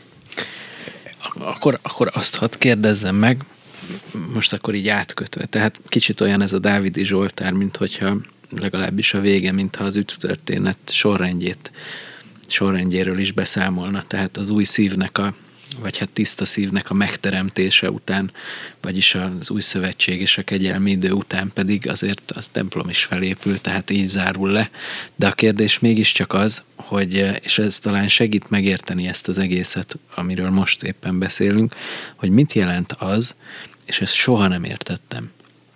Amikor egy proféta kap egy mérőnádat, és megmér valamit. Az mit jelent, hogy megméri a zsidókat, és nem méri meg a pogányokat? Nem, itt ő, mint ahogy az Ezékielnél is, a templom méreteit méregeti, ugye az Ezékielnél is, fejezeteken átmegy az, hogy egy, egy megadott hosszúságú, azt hiszem, tehát hat könyök hosszú, vagy mennyi ö, ö, ö, mérőruddal, méregeti a templom méreteit, méregeti az űrkamrákat, a bejáratokat, az ajtók méreteit, a falak magasságát, a, a legapróbb részletekig mindenfélét, és az összes adatokat ugye leírja.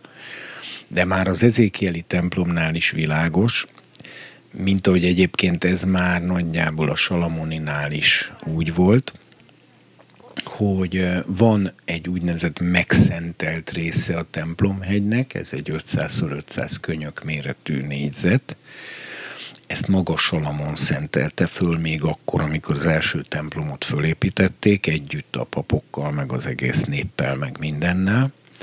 Ez a templomhegynek a megszentelt része, tehát ez egy 250x250 méteres négyzet csak a templomhegynek a szikla körüli részén, e, a, és ugye a körül pedig már a Heródes, de már előtte is föl meg volt építve ez az úgynevezett pogányok udvara. E, vagyis a nemzetek, a nem zsidók, a nemzetek udvara. E, ez ugye el volt választva nagyon szigorúan a középső területtől, mert oda csak zsidó léphet be. De a, mivel, a nemze, mivel a Salamon úgy imádkozott, hogy a nemzetek is, ha följön ide bárki idegen, és azért, hogy imádkozzon, és mit tudom én, akkor hallgass meg őt a mennyből, és így tovább. Ezért ugye a zsidóság kezdettől fogva úgy tekintette, hogy a templom az nem csak a zsidóságé, hanem az egész emberiségé. Ezt a mai napig is ö, olvashatod még akár ilyen mai brosúrákban is, amik az újraépítését szorgalmazzák. Ez, ez teljesen biblikus, tehát biblikusan nézve a, a zsidóság az a templomnak nem a tulajdonosa, hanem a, az üzemeltető személyzete. Maga a templom szolgálata azonban a zsidóság üdvén kívül, nyilván hogy azt is, de alapvetően az egész emberiség érdekében működik. És ugye ezért első pillanattól lehetővé tették azt, hogy a nem zsidók följárjanak imádkozni, de a belső térbe oda nem mehetnek be, mert ott viszont a túrai tisztasági előírások miatt oda nem mehetnek be. Na most ugye ezt jelenti a belső udvar meg a külső udvar. A belső udvart, ahol az égőáldozati oltár is ugye elhelyezkedett, és ott zajlott az imádkozás, ez az úgynevezett izraeliták udvara nevű részben ugye amíg egy zsidónak az áldozatát bemutatták, és az oltáron el nem égett, addig tartózkodhatott ezen a helyen, de kizárólag imádkozás céljából. És ezért fogalmaz úgy, hogy mérd meg a templom udvarát, az égőáldozati oltárt, és akik ott imádkoznak, és erről úgy tűnik, hogy abszolút pozitívan beszél, tehát azt mondja, hogy ez Isten temploma, és az egész imádkozásról, meg az egész, tehát pozitív a rész. Ugye, ugye ez szintén egy nagyon érdekes és messzire vezető dologhoz viszel, amiről szintén sok szó esik, hogy most tulajdonképpen ez a, ennek a templomnak a felépítése ez Isten akaratában van, vagy nincs Isten akaratában. Mert ugye, ha mert ugye nagyon sok keresztény nem érti meg azt, hogy ha egyszer e, Jézus Krisztus vére már kifolyt a bűnök bocsánatáért, és a zsidó levél szerint ezután nincs többé bűnért való áldozat, akkor hogy mi értelme van, és hogyan lehet teológiailag értelmezni azt, hogy a végidőkben és aztán az ezer éves királyságban újra lesz templom, és ott újra lesznek állatáldozatok ugye, hogyha a zsidókhoz írt levél 8, 9, 10, talán még 11-12. fejezeteit is odavéve csak abból indulsz ki, akkor arra kellene következtetni, hogy soha többet nem lesznek állatáldozatok. Hiszen Jézus vére ezeket egyszer mindenkorra fölöslegessé tette. Ezek mély kérdések, én ezt nem tagadom, de hát ugyanakkor proféták százával jelentik ki különböző profétai igehelyeken, hogy lesznek állatáldozatok, és lesz templom, és lesz mindenféle ilyesmi a messiási királyságban is, pedig Jézus lesz itt, teljes valójában, és mégis lesznek állatáldozatok, és minden ilyesmi. Ezt én ebben most eb, e, ebbe a gyökérszálba se bocsátkoznék most bele, mert megint több évszázados teológiai vitába szállnánk alá, és ezeket nem lehet egy ilyen rádióműsor keretében ö, ö, az összes bizonyítékokat, meg érveket, meg ellenérveket, meg mindent átvenni, hanem én itt most ismét csak annyit tudok mondani, hogy hogy mondjam, én nem is teljesen értem, hogy hogy lehet ezeket nem úgy érteni, mert ha az összes ilyen igehelyet elspiritualizálod, és minden ilyen a messiási királyságra vonatkozó állatáldozat, meg templom, meg oltár, meg ilyen szöveget mind szellemileg átértelmezed a szellemi valóságra, meg hát az egyházra ebben az esetben. Ugye egyrészt megfosztod Izraelt attól a reménységétől, amiben Izrael kezdettől fogva él, és amiben végigélte a történelmet. Másrészt pedig, hát szóval nem tudom, szóval egyszerűen a szövegek sem engedik meg én szerintem.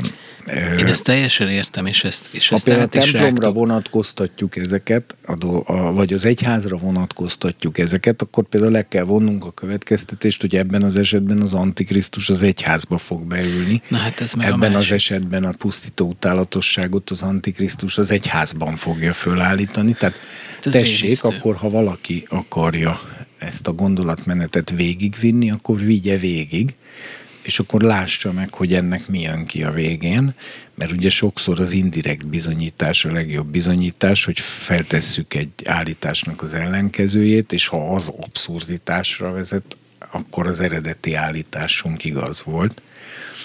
Tehát indirekt módon is szerintem bizonyítani lehet azt, hogy ez nem értelmezhető spirituálisan, No, de... Na de az én kérdésem mégsem teljesen erre vonatkozott, hanem arra, hogy mit fejez ki, és mit jelent az, mi, mi, mi, mi a szellemi valósága annak, és mi az értelme annak, hogy le kell mérni a templomot. Hát a két udvar külön választásáról van szó. Tehát ugye van az egész templomhegy, amint te is jártál. Az egy téglalap alakú, hatalmas nagy plac. Én ott fönn speciál nem jártam, de most ez nem is annyira Jó, lényeges. majd legközelebb feltétlenül. Tehát egy tégla, téglalap alakú plac, aminek a közepén van egy négyzet alakú kis plac, ami meg is van emelve szintben is, és az a, a, az a felszentelt terület, a körülötte levő, az pedig a pogányok udvara. Na most ugye rengeteg erről író szerző manapság veti föl azt a kérdést, hogyha ne talántán a mi időnkben elkezdődne e, már a második, tehát illetve hát ez nem a második, hanem ugye már harmadik templomnak az építése,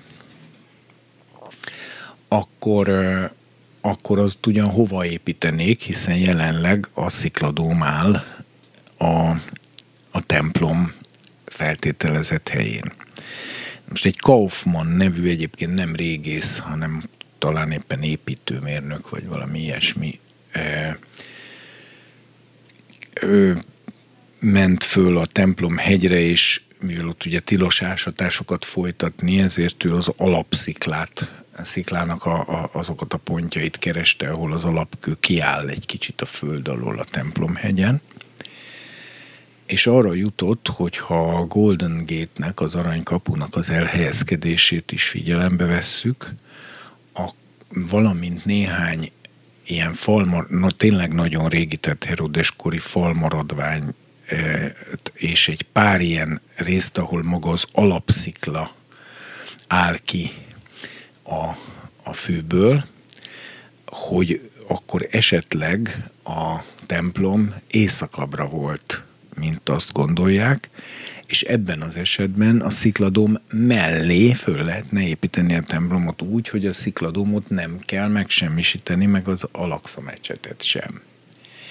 Na most ö, ö, ez ugye nagy reményt adott ö, Izraelben is, és a, és a cionista keresztények között is, hogy esetleg megoldható a templom felépítése világháború nélkül is, úgy, hogy egyszerűen fölosztják úgymond a templom hegyet, és meghagyják a szikladómot és az Alaksa mecsetet, mert, mert hát legalábbis a Kaufmann véleménye szerint az nem is az eredeti templom helyén van, és ez emellett azért erős érvek is szólnak, mert például az aranykapu, a Golden Gate, az tényleg éjszakabbra van, már pedig az egy ókori képződmény, és arról azt írták a rabbinikus források, hogy an, annak a bejárata egy vonalba van a templom kapuval és a szentek szentjével, akkor viszont az egésznek éjszakabbra kellett lennie, akkor viszont elfér egymás mellett a templom, meg a szikladom.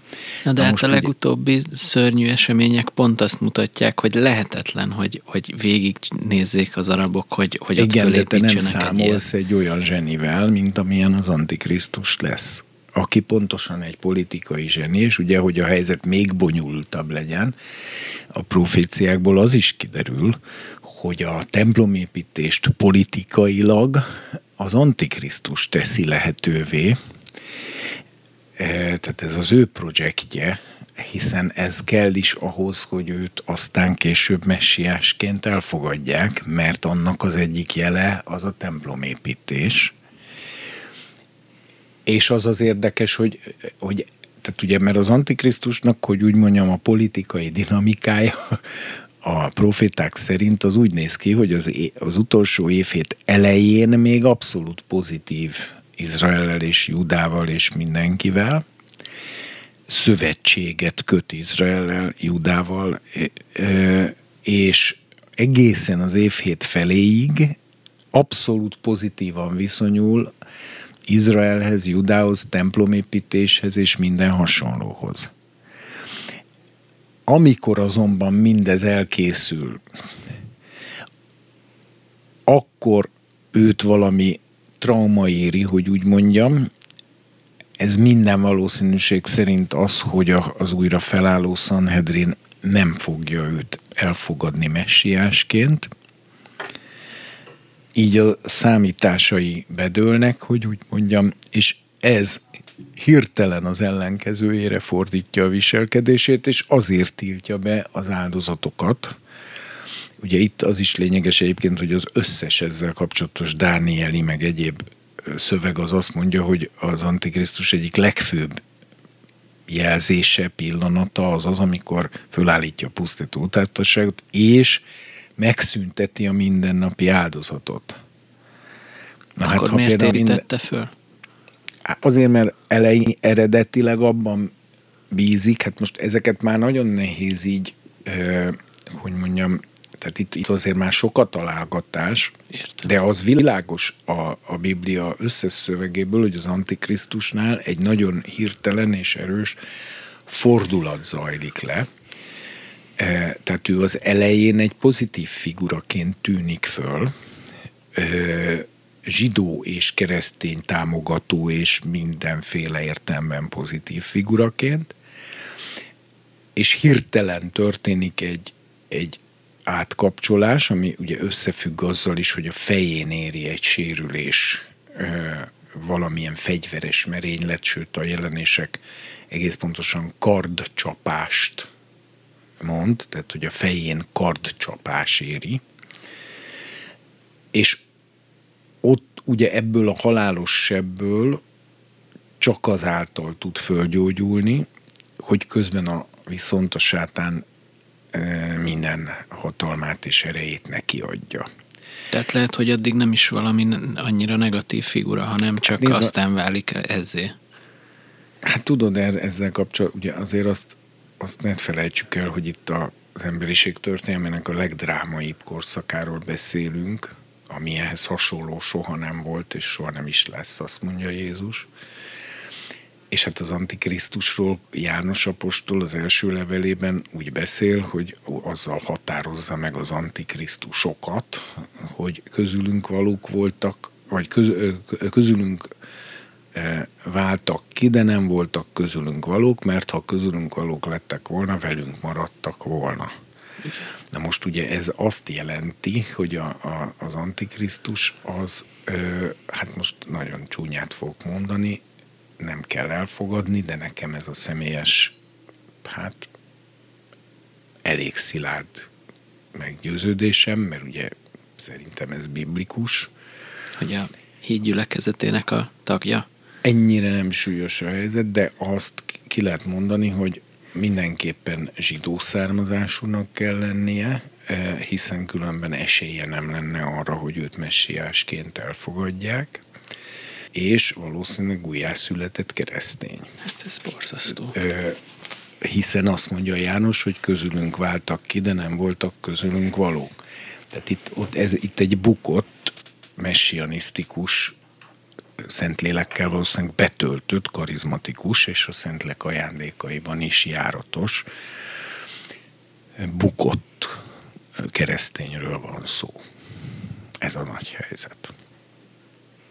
Ezt tudom, hogy rendkívül drámai közlés, de, de, de hogyha végignézed az erre vonatkozó igéket, akkor nem nagyon marad más alternatíva. Az még azt is meg lehet mondani, hogy minden valószínűség szerint diaszpóra zsidó, és nem izraeli, és a hamis proféta, aki őt majd támogatni fogja, az viszont izraeli lesz. Azt csinálja meg a pusztító utálatosságot is mert ugye a fene az Antikrisztusról azt mondja, hogy ez a tengerből jön föl, ami ugye a nemzeteket jelenti, de a hamis proféta az a földből jön föl, az erecből.